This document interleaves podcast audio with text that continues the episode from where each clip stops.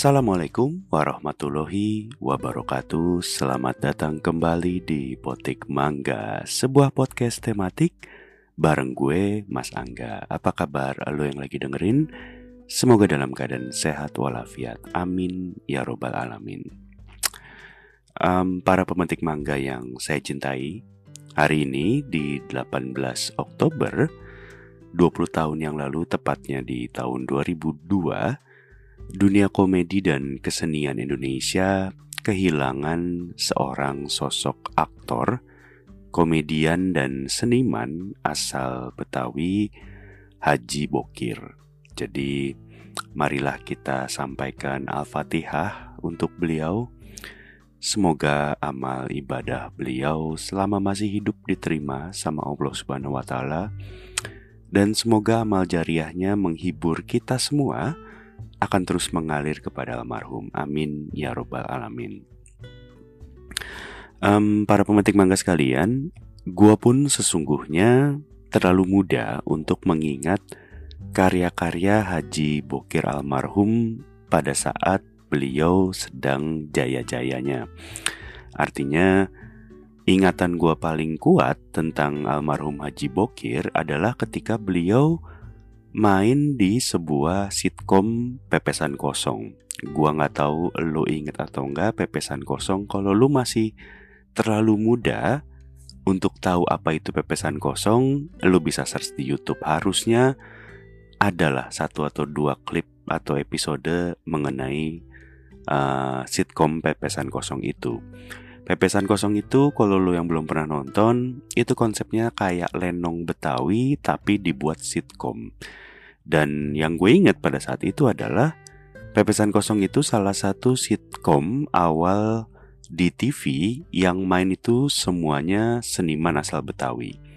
Jadi mungkin beda kayak Sidul anak sekolahan yang memang sebuah sinetron drama keluarga gitu ya dengan ada unsur komedinya.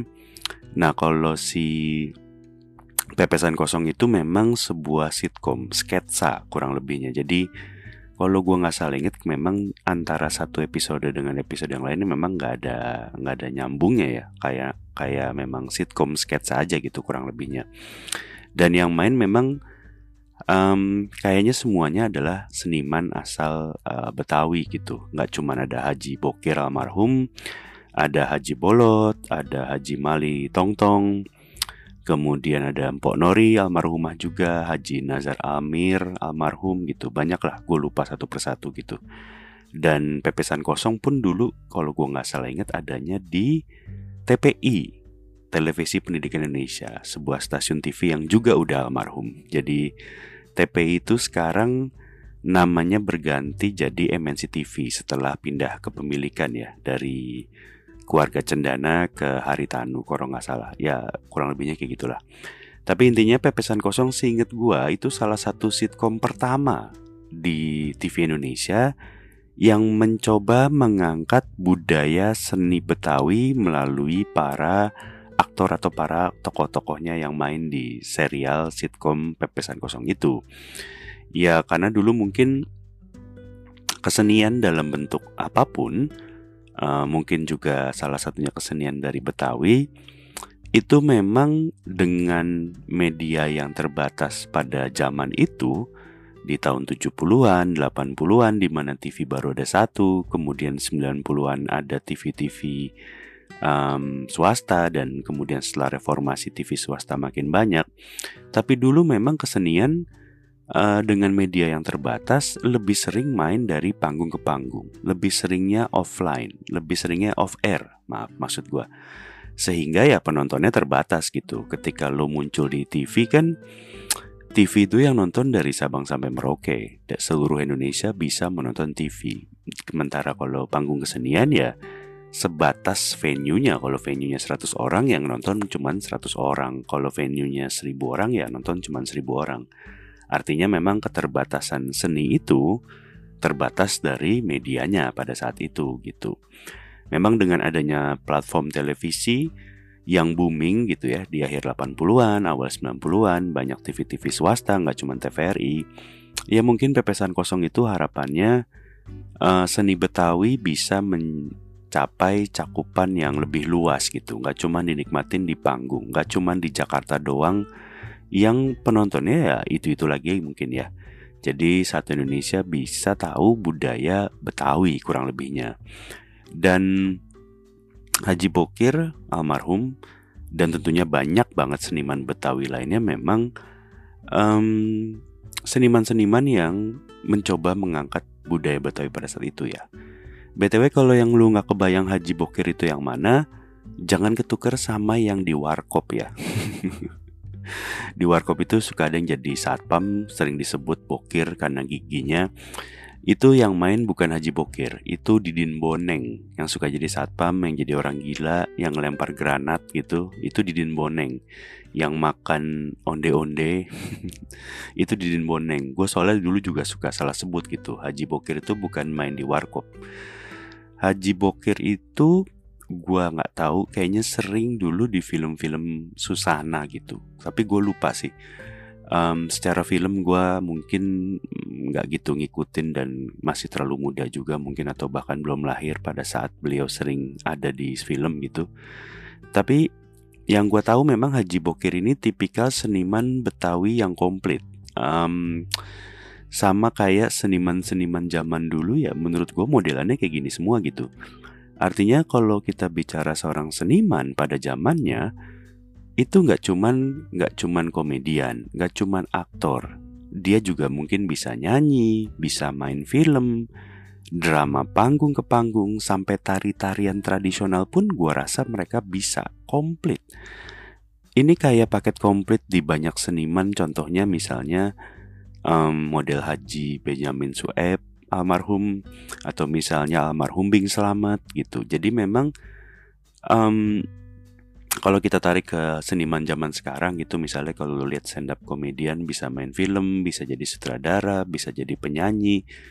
Iya itu memang bukan hal yang baru zaman dulu mungkin lebih banyak lagi yang talenta yang bisa mereka punya gitu yang tadi gue bilang almarhum Haji Bokir, almarhum Benyamin Sueb, almarhum Bing Selamat itu punya talenta komplit gitu. Nah, untuk mengenang jasa-jasa Haji Bokir sebagai seniman legenda Betawi, kemarin menjelang ulang tahun Jakarta ke-495, pemerintah Provinsi DKI Jakarta melalui Pak Gubernur Anies Baswedan itu mengumumkan kalau pemerintah Provinsi DKI Jakarta akan menamai sebuah ruas jalan di Jakarta dengan nama beliau, dengan nama Haji Bokir. Jadi sekarang di DKI Jakarta ada nama Jalan Haji Bokir bin Jiun. Um, kalau gue nggak salah baca di beritanya itu dulunya nama jalannya itu nama jalannya adalah Jalan Raya Pondok Gede. Um, jadi sekarang Jalan Raya Pondok Gede itu berganti nama dengan Haji Bokir bin Jiun. Gak cuman Jalan Haji Bokir ya, kemarin total provinsi eh, pemerintah provinsi DKI Jakarta itu totalnya mengubah ada 22 nama ruas jalan gitu. Jadi ada 22 nama seniman, nama tokoh, uh, guru agama uh, yang semuanya memang mayoritas dari uh, Betawi yang diabadikan menjadi nama jalan. Uh, jadi selain Haji Bokir bin Jiun yang jadi nama jalan, ada nama Pok Nori almarhumah yang juga jadi nama jalan. Ada almarhumah Ibu Tuti Alawiyah, uh, beliau mantan menteri kalau gua nggak salah, menteri peranan wanita ya zamannya Pak Soeharto. Kemudian juga ada nama jalan Tino Sidin, almarhum Tino Sidin dijadikan nama jalan. Kayaknya kalau lu tanya ke bokap lo atau tanya ke orang-orang umuran 35 tahun ke atas itu pasti tahu ya. Kalau Patino Sidin itu adalah guru menggambar anak-anak. Itu paling ngetop di zaman TVRI. Dulu TVRI ada program Mari Menggambar atau apa gue lupa lah namanya. Tapi intinya itu program buat anak-anak di mana anak-anak diajarin um, menggambar sehingga beliau sangat ngetop sebagai guru menggambar di TVRI. Intinya banyak lah ada total 22 ruas jalan yang diganti namanya. Dan kalau bicara soal pergantian nama jalan, emang ini bukan hal yang baru ya, memberikan nama jalan dengan nama orang, nama tokoh, nama pahlawan pun bukan hal yang aneh di Jakarta terutama. Gua nggak tahu di kota lain. Karena kalau di Jakarta itu banyak banget nama tokoh, nama pahlawan yang dijadikan nama jalan di Jakarta gitu. Hampir semua jalan protokol, jalan besar yang ada di Jakarta itu berasal dari nama seseorang, tokoh atau pahlawan gitu lu boleh sebut kayak misalnya nama jalan Sudirman dari Jenderal Sudirman. MH Tamrin nama orang, Gatot Subroto nama orang, S Parman, MT Haryono, uh, bypass itu DI Panjaitan. Di Tebet ada Supomo, Jakarta Barat, di Slipi, uh, belok kiri Palmerah, di kanannya ada KS Tubun, ada Latu Menten. Kuningan itu nama jalannya Rasuna Said kemudian Ambasador Kuncit dan uh, Lotte Shopping Avenue itu uh, nama jalannya Profesor Satrio. Kemudian Kampung Melayu belok kanan Otista, Oto Istandar Dinata. Ada Jalan Juanda, Hayam Wuruk, Gajah Mada, Pakubuwono. Uh, banyak lah pokoknya nama-nama jalan yang nama dari seorang tokoh gitu hampir semua tokoh terutama pahlawan nasional kayaknya jadi nama jalan di Jakarta gitu. Jadi memang memberikan nama jalan yang berdasarkan atau terinspirasi dari nama orang, nama tokoh, nama pahlawan itu memang bukan sebuah hal yang aneh gitu. Gitu juga sama mengganti nama jalan gitu. Nama-nama jalan nama-nama tadi pun kan sebelumnya bukan nama jalan nama orang gitu. Jadi memang mengganti nama uh, jalan yang sebelumnya mungkin jalannya bukan nama orang jadi nama orang itu memang bukan hal yang baru gitu.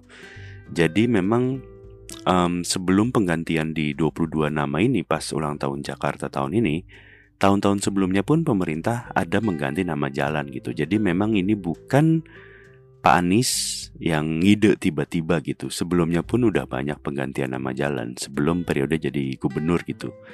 Kayak waktu gue kecil, um, sampai sekarang gue taunya mungkin nama jalannya Kalimalang gitu. Padahal kalau gue nggak salah di tahun 2000 berapa gitu ya, namanya tuh jadi nama Ki Haji Nur Ali gitu. Atau misalnya di Kemayoran itu mungkin dulu namanya jalan apa gue nggak tahu jadi Jalan Haji Benjamin Sueb gitu. Jadi memang buat gua ganti nama jalan, mengganti nama jalan dari nama sebelumnya menjadi nama tokoh, terutama tokoh yang jasanya banyak bagi daerah tersebut ya buat gue sih nggak ada masalah sama sekali gitu. Ya oke-oke aja gitu, apalagi kalau nama jalan sebelumnya itu namanya nggak oke gitu. Ya mungkin lu pernah tahu ada nama-nama jalan yang kayaknya um, lu nggak ngerti kok kayaknya males banget gitu dibikin nama jalannya. Salah satu contoh yang menurut gua sangat malas dalam memberikan nama jalan itu menurut gua ya di Jakarta Barat ada namanya Jalan Panjang jalan panjang ya ya namanya juga jalan ya panjang gitu kalau pendek ya Lisandro Martinez tuh backnya MU pendek tuh tapi intinya kayak nama jalan jalan panjang, jalan buntu, jalan lingkar, uh, jalan luar, atau misalnya jalanin aja siapa tahu cocok gitu. Itu menurut gua kayak nama-nama jalan yang kurang kreatif menurut gua gitu. Dan kalau nama-nama jalan yang seperti itu diganti dengan nama seorang tokoh, menurut gua itu nggak ada masalah sama sekali gitu. Ya selama tokohnya layak, menurut gue sih kenapa nggak gitu dan pasti kan setiap pemerintah ingin mengganti nama jalan menjadi nama seorang tokoh ya udah pasti seorang itu memang seorang tokoh yang memiliki jasa seorang pahlawan mungkin pahlawan kemerdekaan, pahlawan zaman kerajaan, pahlawan sampai kesenian sekarang gitu. Artinya ya menurut gua nggak ada masalah sama sekali supaya memberikan misalnya nuansa kerapihan gitu. Ketimbang dinamain jalan buntu, jalan raya, jalan panjang kalau namanya jalan orang menurut gue sih kayaknya keren aja gitu. Cuman memang jangan sampai misalnya katakanlah mengganti nama jalan tapi misalnya nggak sesuai kaidah gitu nggak sesuai kaidah gini misalnya gini lu pasti tahu misalnya ada nama jalan yang menurut gue juga nggak kreatif tapi gue ngerti misalnya katakanlah di rumah gue ada jalan Gandaria 1, Gandaria 2, Gandaria 3, Gandaria 4, Gandaria 5 sampai Gandaria 9 atau kayak misalnya Tebet Barat 1, Tebet Barat 2 Tebet Barat dalam satu gitu. Maksud gue sih gue masih ngerti ya. Walaupun itu nggak kreatif karena tinggal tinggal ganti nomor di belakangnya, tapi menurut gue itu kayak menunjukkan ada berapa gang yang masuk wilayah itu. Nah kalau misalnya katakanlah Tebet Barat dalam tiga diganti dengan nama toko si A Sementara ada Tebet Barat dalam satu dan Tebet Barat dalam empat Dalam dua gitu. Kenapa yang diganti yang tiga doang? Orang jadi bingung nih habis satu, dua, empat Nama jalannya di tengah nama toko si A gitu Ya menurut gue sih nggak mungkin ya pemerintah se sembrono itu dalam mengganti sebuah nama jalan Gue yakin pasti ada sebuah kajian, ada sebuah penelitian, ada sebuah pertimbangan yang mungkin matang dalam mengganti sebuah nama jalan. Tapi yang pasti apa pun pertimbangannya yang nggak yang pasti nggak mungkin bisa lepas adalah konsekuensinya. Karena mengganti sesuatu, apalagi mengganti nama jalan, tentunya akan menimbulkan konsekuensi gitu. Maksud gue, um, kalau misalnya nama gunung, nama danau, nama gedung gitu ya, kalau lu mau ganti menurut gue sih nggak masalah karena alamatnya tidak berubah gitu misalnya katakanlah Tugu Monas mau lu ganti jadi Tugu Jakarta Tinggi atau misalnya katakanlah um, jembatan A mau diganti jembatan B atau misalnya nama gedung deh nama gedung yang paling gampang Kayak misalnya um, dulu nama gedungnya adalah UOB Tower. Sekarang nama gedungnya apa ya? Gue lupa. Atau misalnya Intiland Tower kan dulu nama gedungnya bukan Intiland Tower. Atau misalnya beberapa gedung kayak Geraha Mandiri itu dulunya gedung Bapindo apa gimana gitu. Tapi memang ganti nama gedung tidak akan berkonsekuensi karena uh, terhadap banyak orang karena nama alamatnya tidak berubah gitu. Sementara kalau lu mengganti nama jalan, konsekuensinya paling nggak alamat lu ya ganti gitu. Mungkin lu nggak relate sama ini karena lu nggak ngalamin langsung. Tapi bayangin gini, rumah lu yang sekarang lu tinggalin misalnya katakanlah Jalan Angkasa, tiba-tiba diganti dengan nama tokoh Jalan Budi. Menurut lo mungkin sepele ya udah tinggal ganti nama kenapa apa urusan sama gue tapi ganti nama jalan itu, itu sama kayak ganti alamat, sama kayak lu pindah. Dari jalan angkasa lu misalnya pindah ke BSD, pindah ke Serpong, pindah ke Bekasi yang di luar Jakarta gitu. Itu sama kayak gitu karena lu harus mengganti alamat lu. Meskipun lu nggak pindahan rumah, efeknya sama kayak lu pindah rumah. Artinya apa? Artinya lu tinggal pilih mau ganti sekarang atau ganti nanti, tapi cepat atau lambat lu harus ganti semua identitas lu yang ada alamatnya. Nah, mungkin lu pikir ah cuman mungkin ganti KTP doang gitu ya. Ganti KTP itu artinya ganti semuanya. Nih, ganti KTP itu artinya lu harus ganti kartu keluarga. Kartu keluarga itu harus lu ganti dari jalan angkasa ke jalan budi. Jadi dari alamat lama ke alamat baru. Ketika lu mengganti KTP, lu harus update penggantian alamat lu di KTP ke semua hal yang terkoneksi sama KTP lu. Contoh paling gampang ya misalnya ganti paspor. Paspor lu harus ada uh, penggantian KTP lu. Um, lapor ke bank karena di bank akan adalah data-data sesuai KTP lu. Di SIM lu. SIM lu berhubungan sama misalnya lu punya kendaraan STNK, BPKB, surat rumah dan seterusnya dan seterusnya. Itu kayak banyak banget dokumen di pertanahan atau kepemilikan rumah gitu ya.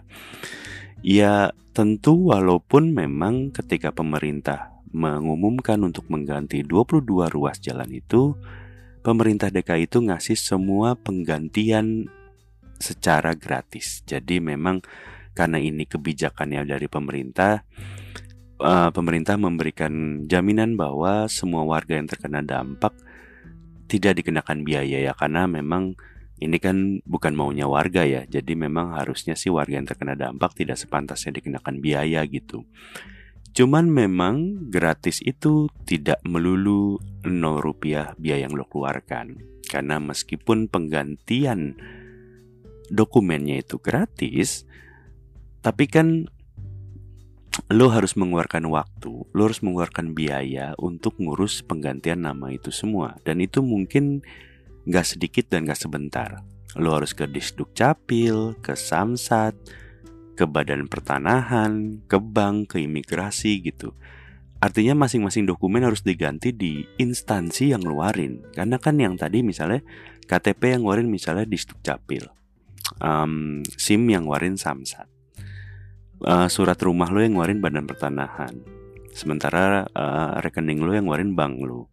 Paspor lo yang ngeluarin imigrasi. Jadi memang lo harus ke lima tempat itu untuk mengganti lima dokumen gitu. Masing-masing dokumen harus diganti di tempat yang mengeluarkan, di instansi yang mengeluarkan. Gue belum tahu apakah bisa di satu tempat dan beres semua. Makanya kemarin gue sempat baca ketika pemerintah mengeluarkan keputusan ini banyak warga dari jalan yang namanya diganti protes ke pemerintah provinsi DKI Jakarta. Uh, warga ini menolak nama jalannya itu diganti. Gua baca di artikel uh, apa nih detik atau apa warga dari Jalan Budaya, warga Cikini Tanah Tinggi banyak yang menolak perubahan nama jalan ini. Jadi para warga protes, uh, warga mulai dari pasang spanduk penolakan sampai bahkan nutup pelang nama jalan yang baru diganti. Tapi ya biasanya sih memang kalau kebijakan sudah ditetapkan sulit untuk diubah ya. Artinya sampai gua tapping episode ini sih kayaknya pemerintah provinsi belum ada tanda-tanda untuk ngebatalin kebijakan ganti nama jalan ini. Dan ya um, menurut gua sih juga kalau memang alasannya bagus ya memang nggak perlu dibatalkan ya. Karena memang uh, pemerintah pun yang ngasih statement tuh kalau gua nggak salah yang baca Pak Wakil Gubernur Pak Ahmad Riza Patria tuh bilang kalau dokumen yang lama tuh masih berlaku. Jadi nggak nggak serta merta setelah kemarin 22 Juni pada saat ulang tahun DKI Jakarta pemerintah mengeluarkan kebijakan mengganti nama jalan nggak langsung tanggal 23 nya semua KTP lo harus berubah dan harus berganti. Artinya memang um, prosesnya nggak langsung serta-merta harus diganti. Dan katanya setiap penggantian dokumen itu, prosesnya akan dibantu sama pemerintah Provinsi DKI Jakarta. Dan seluruh proses itu, kata beliau, tidak dipungut biaya alias gratis. Ya itu sih memang gue cuma bisa ngebayangin ya karena gue tidak terkena dampak dari perubahan nama jalan uh, di alamat yang gue tinggalin gitu jadi memang gue cuma bisa ngebayangin jadi warga yang alamatnya mendadak ganti gitu. Artinya dalam bayangan gue sih gue ngebayangin pasti para warga udah males duluan gitu. Karena kalau gue jadi mereka yang gue bayangin ya gue males lah. Ngebayangin harus ngurus pergantian dokumen itu. Artinya tadi harus ke distrik capil ke imigrasi ke samsat ke bank ke pertanahan dan seterusnya dan seterusnya. Minimal tadi ya yang gue sebutin ada lima instansi lima kantor ya lima kantor itu artinya menurut gue minimal 10 hari waktunya. Uh, mungkin lo nggak kebayang. Gini gini gue coba jelasin. Kenapa bisa gue nyebutin angka 10 hari? Artinya lima kantor itu menurut gue setidaknya lima hari untuk pengajuan masing-masing kantor satu hari ada lima instansi terus masing-masing satu hari lagi untuk ngambil dokumen yang udah jadi. Ya ngebayanginnya udah pasti bikin stres ya. Gue sih stres sih pastinya Gua mendukung perubahan nama jalan. Apalagi kalau nama jalan itu diambil dari tokoh, dari tokoh sebuah daerah. Kalau di Jakarta tokoh Betawi yang pastinya banyak jasanya bagi warga. Tapi di sisi lain gue berharap pemerintah beneran bisa meringankan beban warga. Artinya nggak cuma biaya penggantian yang gratis, tapi semoga ada solusi untuk memudahkan para warga untuk mengganti dokumen mereka gitu. Artinya apakah um, pemerintah suatu hari mengeluarkan one stop solution gitu di mana di satu tempat ada lima instansi itu sekaligus secara temporer untuk memudahkan para warga mengganti keseluruhan alamatnya gitu.